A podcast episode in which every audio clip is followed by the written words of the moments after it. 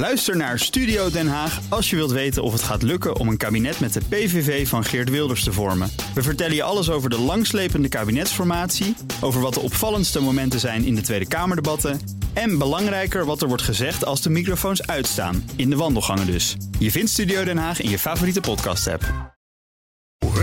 Factgoeroes. Frank Leeman, die is bij ons zoals elke week rond de klok van tien voor negen.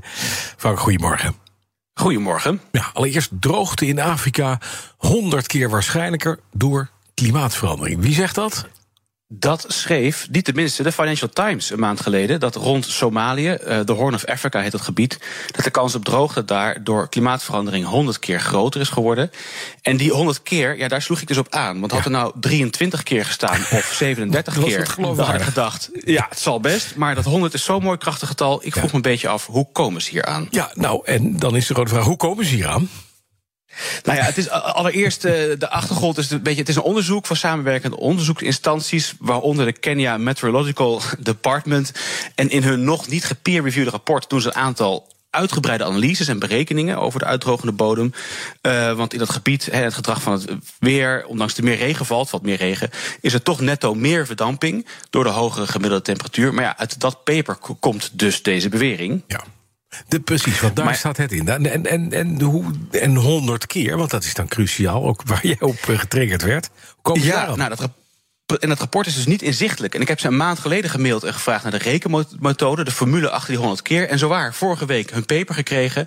En wat blijkt, er is dus geen formule of methodologie. Zij noemen die 100 keer een conservatieve schatting. En verderop zelfs een redelijke aanname. Maar er staat dus niet bij wat de aannames en de variabelen zijn die bij die schatting horen. Het is een soort van terloops zinnetje ergens in het Ja, ja. rapport. En, ja, en daarop is dus de kop van het artikel van de Financial Times geschreven. Dus ja, ongetwijfeld is die kans op droogte flink toegenomen.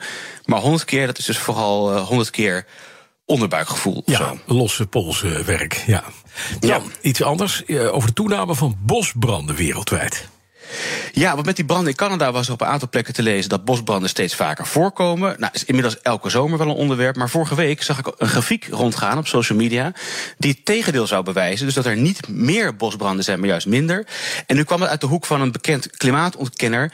Maar die grafiek ja, die was gemaakt door NASA. En daarop zien we inderdaad dat het aantal vierkante kilometers verloren gaat door natuurbranden de afgelopen jaren juist is afgenomen. En flink ook, want het is echt een trendlijn goed naar beneden. En die grafiek vond ik ook daadwerkelijk bij NASA op de site. Dus het was geen Photoshop. Dus ik raakte toch een beetje in verwarring. Ja, want NASA zou je zeggen, dat is een hartstikke goede bron. Hè? Dat zijn jongens die het, die het wel weten. Ja, als zij het niet meer weten, dan weet ik het ook niet meer. Nee. Dus hierover heb ik gesproken met Sander eh, Vera Verbeke, universitair hoofddocent Klimaat- en Ecosysteemverandering aan de Vrije Universiteit van Amsterdam. En allereerst dus over die grafiek van NASA. Want hoe moeten we die zien? Klopt het dat er een afname is van het aantal vierkante kilometers natuur dat per jaar afbrandt? Het onderzoek dat een paar jaar geleden gedaan werd door eh, NASA-collega's, eh, die, die toont een afname in het aantal natuurbranden. eh, vooral in de savannegebieden, bijvoorbeeld in Afrika, ook Zuid-Amerika. Ja, dus er is een afname van met name savanne die afbrandt. Eh, maar de vraag is, hoe kan dit? Waarom is er een afname als we steeds lezen over toename van het aantal branden door klimaatverandering? Hoe komt dat dat daar een afname geconstateerd was in die gebieden? Heeft eigenlijk heel weinig eh, te maken met klimaatverandering, maar wel met eh, veranderende sociaal-economische omstandigheden. Zo werd er heel wat het savannegebied omgezet naar landbouwland.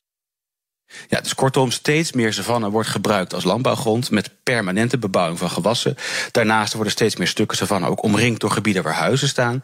Ja, dus daar wil men geen branden meer in de buurt hebben. Dus ja, kort samengevat is eigenlijk het volgende de situatie. En zo merk je eigenlijk dat er minder eh, savannebranden geweest zijn. Eigenlijk gewoon simpelweg omdat er minder savannes zijn en dus minder eh, natuurgebied. Ja, maar wacht eventjes. Het is niet zo dat er helemaal geen savanne meer over is in Afrika... omdat we alles hebben bebouwd en, en gecultiveerd.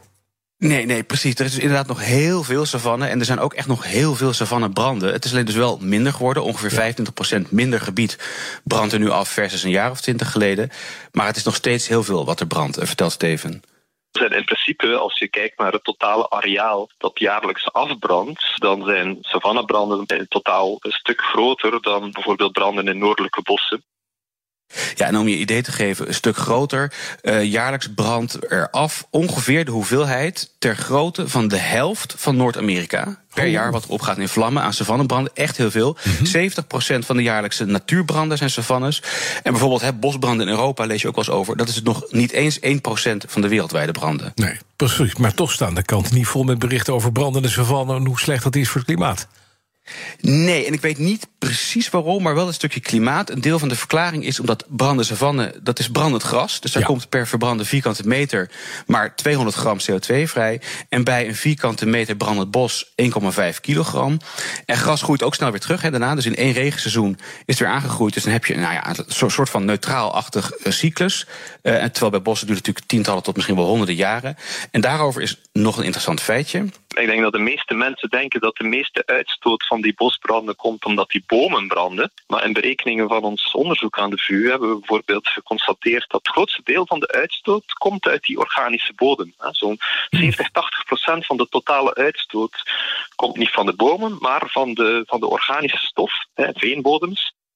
Ja, vooral bij ja, dus en vooral bij die, bij die, door de kou in die noordelijke gebieden heeft die grond nog veel onverteerd materiaal. Takjes, naaldjes, blaadjes, dat soort van gedoe.